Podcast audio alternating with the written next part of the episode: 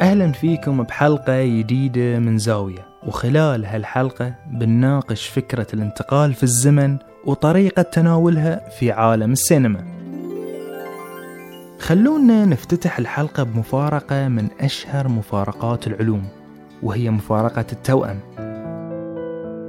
المفارقة تقول لو توأم يعيشون على كوكب الأرض وقرر واحد منهم يسافر باتجاه كوكب بسرعة قريبة من سرعة الضوء.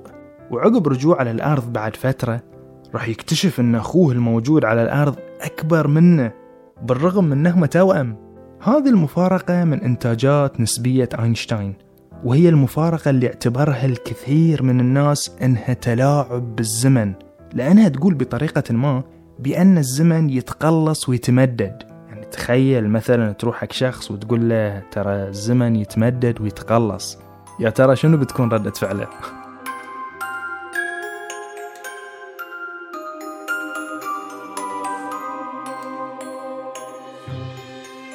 عاشت الحضارات الإنسانية في جدل واسع حول مفهوم الزمن وكانت أسئلتها تدور حول محور واحد شنو هو الزمن؟ هل هو جسم؟ هل هو آلية؟ شنو هي طبيعة الزمن؟ السؤال كان لغز من أكبر ألغاز العلوم وما حد قدر يجاوب عليه إلا قلة قليلة ومنهم ألبرت أينشتاين. جميع المجالات الإنسانية تطرقت للغز الزمن. الأدب والشعر والفيزياء علم الاجتماع والفلسفة وطبعا السينما. ولكن اللي يميز تعاطي السينما أنه مختلف تماما عن البقية. السينما تعطينا رؤية بصرية لفرضيات الانتقال للماضي أو المستقبل. السينما هي أكثر مجال من بين جميع المجالات الإنسانية اللي تقرب لنا طموح الإنسان المستحيل في الانتقال عبر الزمن. هل تخيلت مثلا تقوم يوم من الرقاد وتلاقي نفسك مراهق وولدك أكبر منك وعمره ثمانين سنة؟ السينما خلت كل هالتخيلات واقع أمام عيوننا.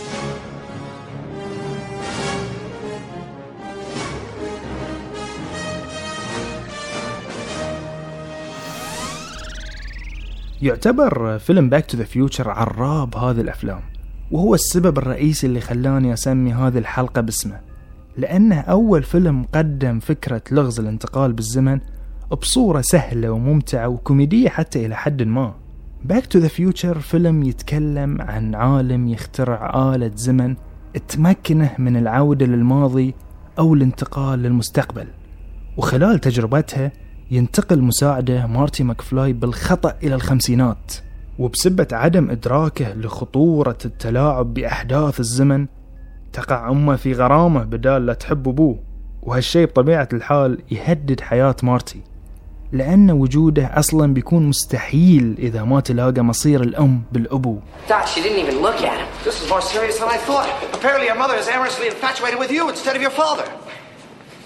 Whoa, wait, wait a minute. Doc, are you trying to tell me that my mother has got the hots for me? Precisely. Whoa, this is heavy. There's that word again heavy. Why are things so heavy in the future? Is there a problem with the Earth's gravitational pull? الفيلم يتطرق للزمن على أنه محطات وكل محطة فيه سلسلة أحداث لازم تصير عشان المستقبل يتخذ شكل معين بحيث لو صار أي خطأ تافه ممكن يؤدي هالخطأ التافه إلى نتائج كارثية. وخلال الفيلم تصير العديد من الأخطاء اللي تستلزم تعديلها وإلا بينقلب مصير الدنيا وشخصياتها. تخيل أن الستينيات قرية تزورها عشان تلاقي أبوك طفل. أو مثلا تروح الأربعينيات عشان تعيش معارك الحرب العالمية الثانية. هذه هي الفكرة باختصار اللي ينقلها Back to the Future للمشاهد. إن الزمن أشبه بالمناطق الجغرافية اللي تروح لها وترجع منها ولكن الحذر ثم الحذر إنك تلاعب بأي حدث من هالأحداث لأنك بتغير مسار الزمان والمكان وحتى ممكن إنك تهدد وجودك وأنت ما تدري.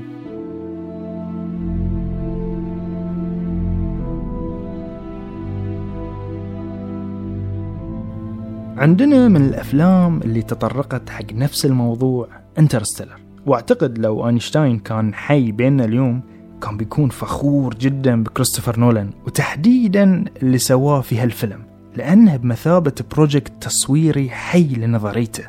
Interstellar يتكلم عن رحلة رواد فضاء تقودها شخصية اسمها كوبر. تنتقل هالرحلة عبر الثقوب الدودية بحثا عن كوكب صالح للحياة. بعد ما وصلت الأرض لمرحلة الموت التدريجي.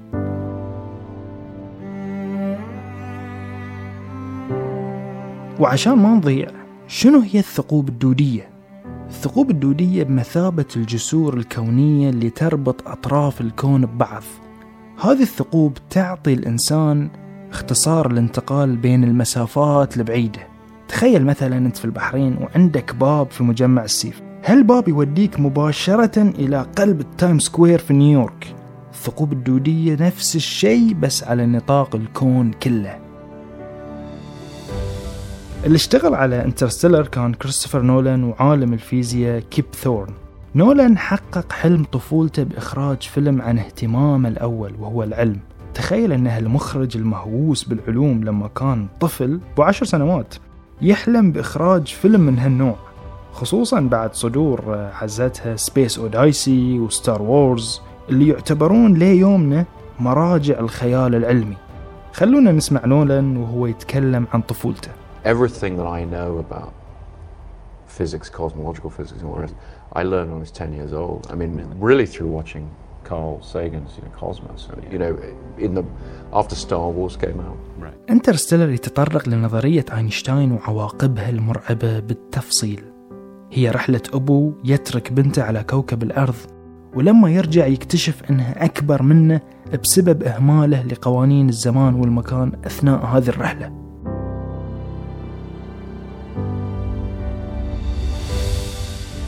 كوبر تعرض لبعض المشاكل التقنية على كوكب تعادل ساعته سبع سنوات على كوكب الأرض أي أن هالكوكب بطيء لأنه قريب من الثقب الأسود اللي تبلغ جاذبيته قوة مهولة ما يقدر حتى الضوء الإفلات من قوته. تخيل مثلا لو تميت على هالكوكب ثلاث ساعات وانت عمرك عشرين سنة وعندك بنت توها مولودة بتنصدم إذا خلصت هالثلاث ساعات لما تعرف إن بنتك هذه صارت أكبر منك بسنة. هذه هي نظرية أينشتاين. دائما أقول إذا كان Space Odyssey لستانلي كوبريك و Star Wars السبعينات والثمانينات أفلام مرجعية لفئة الخيال العلمي ف Interstellar فيلم مرجعي لأفلام الخيال العلمي الحديثة اللي راح نشوفها من اليوم ورايح وهو بدون شك أفضل فيلم حديث تطرق لمسألة الانتقال الزمني.